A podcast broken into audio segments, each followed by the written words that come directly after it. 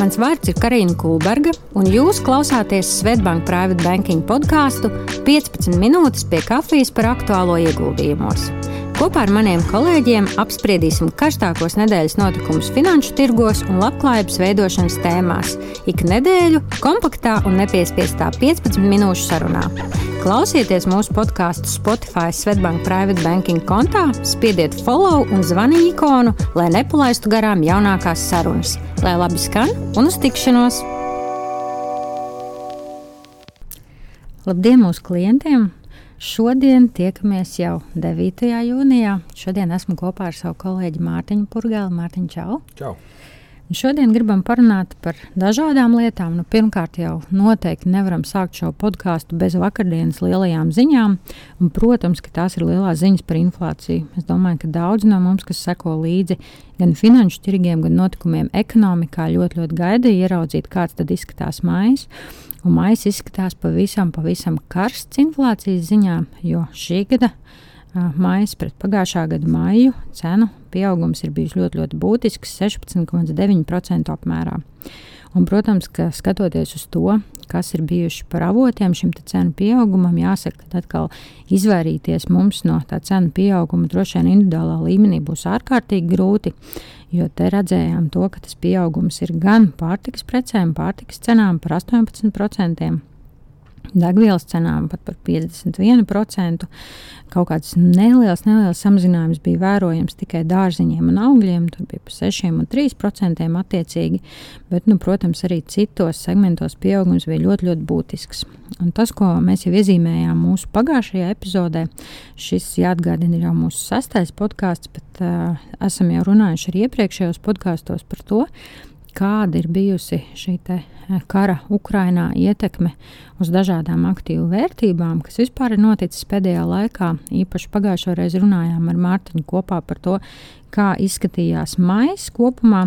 Tad jāsaka tā, ka šoreiz gribējām paskatīties uz to, kādas vēsmas ir atnesis šis augošo cenu laiks dažādos segmentos, sektoros, un attiecīgi kāds atspoguļojās arī lielajos, lielajos akciju tirgos un uz dažādām atpazīstamiem finanšu instrumentiem. Un tad mazliet, mazliet vairāk parunāšu par tirzniecības jomu, gan mazumtirdzniecību, gan vairumtirdzniecību. Un te jau jāsaka, ka jau 18. maijā mūsu otrajā podkāstā, kad mēs tikāmies, minēju to, ka nu, ļoti būtisks šis gads ar tādām negaidīti straujām un negatīvām korekcijām ir bijis vienam no pasaules lielākajiem uzņēmumiem Amazonē, kurai sešu mēnešu akciju cena bija kritusies par, kritusies par apmēram 30%. Un te jāsaka, tas lielākais kritums patiešām bija piedzīvots pēc tam, kad aprīlī tika saņemti vai tika izziņoti šī gada pirmā ceturkšņa rezultāti, kas nu, ļoti, ļoti ilgā pagātnē nebija redzēti bija ar tādu mīnuszīmi gan peļņas izteiksmē, gan arī ar būtisku samazinājumu apgrozījumā. Savukārt, pirms nedēļas, 3. jūnijā, arī pieminēja to, kad jau parādījās arī pirmie dati par arī ne tikai online tirgotājiem, bet arī šiem te, no tādiem pietiekami lieliem spēlētājiem, kas mazumtirdzniecības segmentē startē kā Targets un Walmarts. Un arī viņiem jāsaka, šis viens mēnesis, pēdējais mēnesis, ir bijis ar krietnu kritumu. Walmart gadījumā par 30% akciju vērtībā, atvainojiet, target gadījumā par 30%, Walmart gadījumā par 19%. Un arī jau pēdējās nedēļas laikā nu, vērojam tās ziņas, ka analītiķi ļoti, ļoti pārmet šo uzņēmumu vadībām to, ka viņi nepietiekami strauji ah, bija sagatavojušies tam, kā mainīsies patērētāju paradumi brīdī, kad cenas pieaug tik ļoti, ļoti ātri tas, ko viņi varēja novērot, ka neviens no šiem tirgotājiem milžiem nebija sagaidījis to, ka šis uzkrātie krājumi dažādām precēm Diemžēl tos nebūs iespējams tik ātri realizēt, jo cilvēki Amerikā sajūtot to ietekmi no paceltajām procentu likmēm daudz ātrāk, faktiski jau daudz ātrāk norēģēja un gāja ārā no dārgāku preču pirkšanas, kurām bija lielākas maržas, lielāka peļņa, un jau veidoja savu gan pārtiks grozu, gan citu produktu grozu no daudz lētākām precēm. Paskatījos arī pašām, likās ļoti interesanti, nu, ko mēs redzam jau Eiropā, vai tas vilnis no Amerikas būtībā veļās arī pie mums. Un jāsaka, ka lēnām, lēnām veļās gan, piemēram, tāds milzis kā Francijas Carrefour mēnešu laikā redzēja to, ka a, akciju vērtības kritums samazinājās pa 9%, un faktiski a, tas sākās, sākās jau no marta, mājā atguvās, bet nu atkal pēc tam bija zināms kritums. Tāds viens no interesantajiem, man liekas, arī Covid laikā tādiem uzņēmumiem un, un kā tāds, nu, piemērs, varbūt kā, kā tāda pirmie iespaidi, kas varētu būt patiesībā neattaisnojās, bija šis luksus zīmols, Louis Vuitton un Moet un Hennessy. Četru burtu LVMH savienojums, kura īpašnieki ir arī pasaules bagātākie eiropieši un top listā bagātāko cilvēku vidū ar no ģimene. Un, viņu gadījumā jāsaka tā, ka No akcijas vērtība šogad arī ir piedzīvojusi kritumu, bet patiesībā piecu gadu laikā, pēdējo piecu gadu laikā īstenībā pakāpusies par 160%. Un interesanti, ka šāds luksus zīmols faktiski Covid laikā pat novinnēja, un turīgie cilvēki turpināja iepirkties un iepirkās vēl pat zināmā mērā vairāk, un šos paradumus nemainīja arī Covid laikā.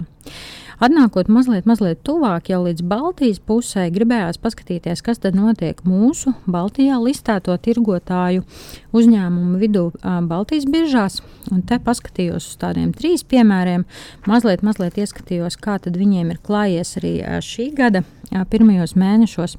Un kā pirmo izvēlējos Lietuvas aprangas grupu, Šī grupa pazīstama kā mazumtirgotājs ar ļoti, ļoti plašiem, faktiski vairāk kā 200 zīmoliem.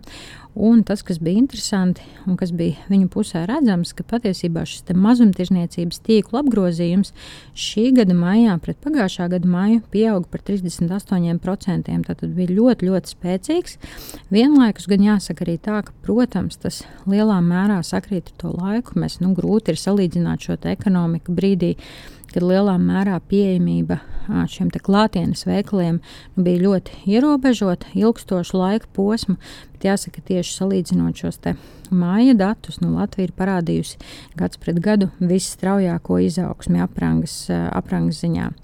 Um, tāpat arī um, nu, tomēr jāsaka tā, ka pēdējais mēnesis, un tad apranga varētu teikt, tā bija atgūsies un sāka ļoti labi atgūties no tā, kādi, kādi bija šie Covid laika ietekmes. Bet, diemžēl, jāsaka tā, ka pēdējā, maijā, pēdējā mēnesī, maijā, tas kritums bija par vairāk kā 20%. Faktiski sākās no 10. māja.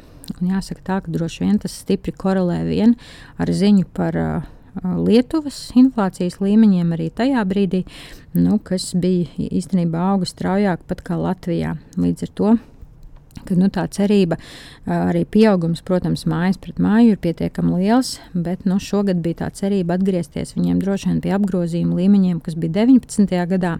Redzēsim, vai viņiem tas izdosies. Tad paskatījos arī uz Igauniju mazumtirdzniecības ķēdi Baltika. Tagad jāsaka tāds, un to mēs droši vien labāk zinām ar tādu zīmolu kā Ivo Nikolo. Un te jāsaka tā, ka viņu stāsts ir bijis nu, salīdzinoši varbūt bēdīgs akciju vērtības ziņā. Gan pagājušā mēneša laikā kritums par 9%, gan patiesībā arī gada ietvaros, jo gadā kritums ir bijis par vairāk kā 35%. Un skatoties mazliet tādu ilgāku pagātni, te jāsaka, ka tas viņu nu, saka, bu, biznesa būtiski ir samazinājies pēdējo gadu laikā, un vērojams kritums ir jau kopš 19. gada, ar ko tas skaidrojums, ka jau 19. gadā viņi uh, janvārī nāca ar paziņojumu par iziešanu no Ukrainas, Baltkrievijas un Krievijas tirgiem, kā rezultātā, protams, arī viņu apjomi uh, un ienākumi samazinājās ļoti, ļoti. Tajā gadā, pirmajā gadā no 19. līdz 20. no pa 50%, nākamajā gadā vēlreiz par 50%. Un, diemžēl jāsaka tā, ka nu, jā, gadā kopumā 19. gadā tas apgrozījums bija ap 40 miljoniem, tad 21. gadā vien 11 miljoni. Tā kā šim uzņēmumam pat nevarētu runāt par to, ka te ir kaut kāds māja efekts, vai šī gada efekts, vai covid efekts, bet patiesībā tas nu, struktūrālās pārmaiņas ir bijušas pietiekami būtiski jau kopš 19. gada. Nu, un tad trešais par Baltiju runājot, ko gribēju apskatīties, ir lielākā tirzniecības grupa Igaunijā, Tallina Kauba māja, kura droši vien nu, lielākā daļa no mums zinām tieši ar Selveru veikalu ķēdi un brendu un zīmolu. Uh, Um, un tāpat laikā jāsaka, tā, ka viņiem ir ļoti, ļoti plašs tas klāsts, tā skaitā arī autodīleri, Kia, Opel un Peugeot. Un viņu gadījumā droši vien tas, ka tā kombinācija tirzniecības jomā, ko viņi pārstāv, nav vien šī pārtikas tirzniecība, bet tad ir arī auto, apavi un tā tālāk. Uh, ir izrādījusies, ka šī diversifikācija palīdz, jo viena mēneša rādītāja vēsta par to, ka akciju cena ir palikusi būtībā nemainīga, bet gada laikā pati pieaugusi par 11%. Nu, tā ļoti sagaidām, ka zemāko punktu viņi sasniedz 20. gada aprīlī. Uh, bet jāsaka, tā, ka arī šajā brīdī nu, viņi ir vienā no augstākajām cenām, pat varētu teikt, 15 gadu laikā. Pie šīs akcijas noteikti vērtīgi pieminēt arī to, ka Te svarīgi ir nevien šis akcijas pašas vērtības pieaugums, bet arī tieši dividendžu stāsts, kur šīs dividendžu izmaksas vidēji desmit, desmit gadu garumā dividendžu ienesīgums ir bijis gandrīz 6%, kas, protams, ir ārkārtīgi pievilcīgs. Nu, jā, tad, tad, tad mēs redzam to, ka faktiski tāda diversifikācija arī mazumtirgotāju jomā palīdz noturēt to akcijas vērtību, bet tā ietekme netik brutāla, kā tā ir bijusi, protams, pagaidām Amerikas tirgos, bet arī jūtama Baltijā, tā skaitā arī Eiropā. Bet tā kā zinām, minēju arī to, ka šīs pārtikas cenas ir bijis viens no tiem avotiem inflācijas pieaugumam. Tad Mārtiņš ieskatīsies Lietuvas milzī uzņēmumā Linas Agro un kā tad tam ir klājies. Jā. Ir tā, ka pagājušajā raidījumā mēs arī pieskārāmies izēvielu cenām un arī to skaitā mm, lauksaimniecības precēm. Redzējām, ka pieaugums, nu, pamatojoties uz karu, uz to, ka mēs nevaram šo ražu izvest un pārdot, ir cenas pacēlās par 30 līdz 40%. Un, eh, ļoti interesanti arī paskatīties, kā tas ir ietekmējis uzņēmumus Baltijas biržā, kas ir saistīti ar šo. Viens no tādiem ir Linas Agro. Līdz Agro ir viens no lielākajiem šī reģiona lauksaimniecību pārstāvošiem uzņēmumiem. Eh, viņš pārstāv nu, ne tikai eh, audzē mm, dažādu veidu materiālus, bet arī piedāvā uh, nu, tādas tehnikas, uh, minerālu mēslus uh, zemniekiem. Daļu no produkcijas viņi arī vienkārši uzpērk no zemniekiem un pēc tam pārdod tālāk tirgu. Un uh, viņu rezultāti no gada sākuma ir, protams, arī atbilstoši tendencei. Viņi gan nav virs 30 vai 40%, bet akcijas cena pieaugusi par 23%. Kas ir diezgan saprotami un loģiski. Nu, un nākotnē, skatoties vispār nozari, ja runā varbūt plašāk par nozari, uh, Lai arī šobrīd šķiet, ka cenas ir pieaugušas, viņas ir, viņš ir augstā līmenī un tā ir laba ideja ieguldīt. Uh, ir daudz un dažādi faktori, kas arī nu, negatīvi ietekmē šādu veidu nozares, jo uh, arī sankcija ietekmē minerālu mēslu pašu par sevi. Varbūt nav vairs tik pieejami, viņi ir dārgāki, jāmeklē citas piegādes ceļi.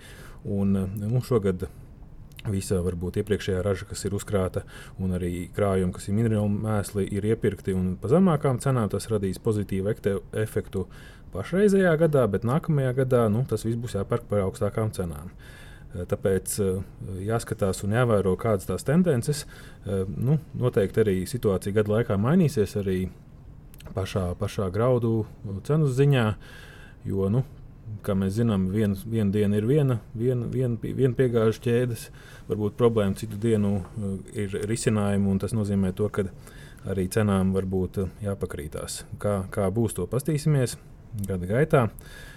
Un pieskarsimies noteikti arī mūsu raidījumiem nākotnē.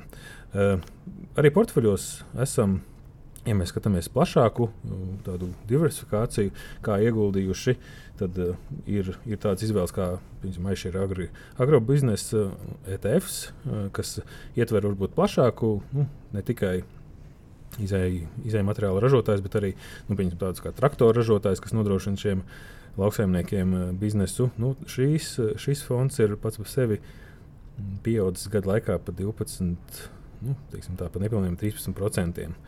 Kas, eh, kas, kas ir vērts atzīmēt, šī tendence mm, diezgan atbilstoši tirgus situācijai un notikumiem pasaulē.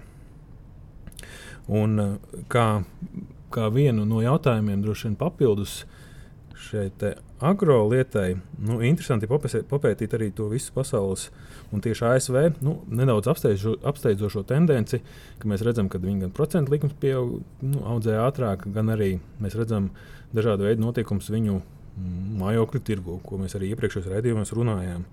Tad, uh, kad, kad ir vērojams kritums, un tas ir jau diezgan manāms atsevišķos štatos.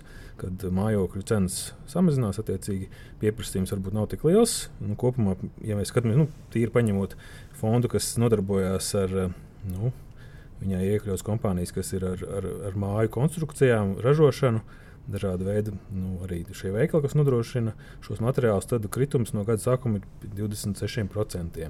Nu, lūk, bet uh, to salīdzinot ar Latvijas, nu, ar ne, Baltijas uh, situāciju, varam redzēt arī nedaudz tādu nobīdi laikā.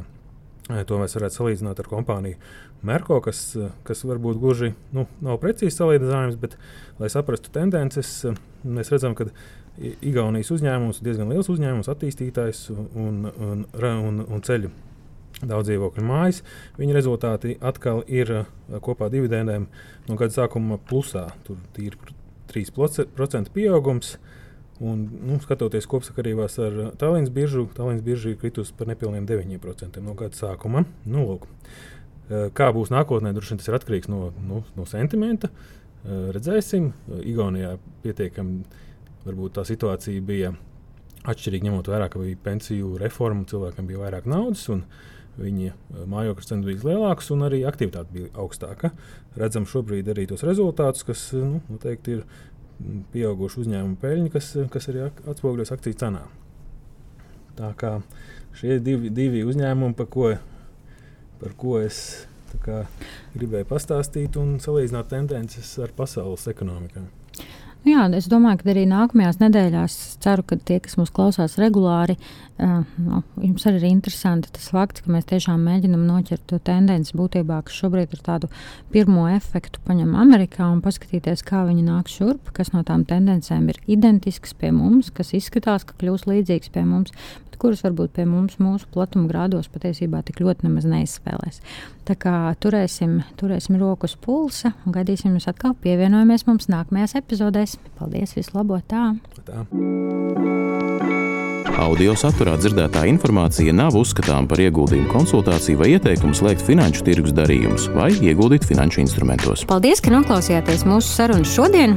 Atgādinu, ka, lai nenokavētu jaunākās epizodes, spiediet follow un zvaniņu ikonu Spotify kontā Svetbank Private Banking, lai laba diena un uz drīzu tikšanos!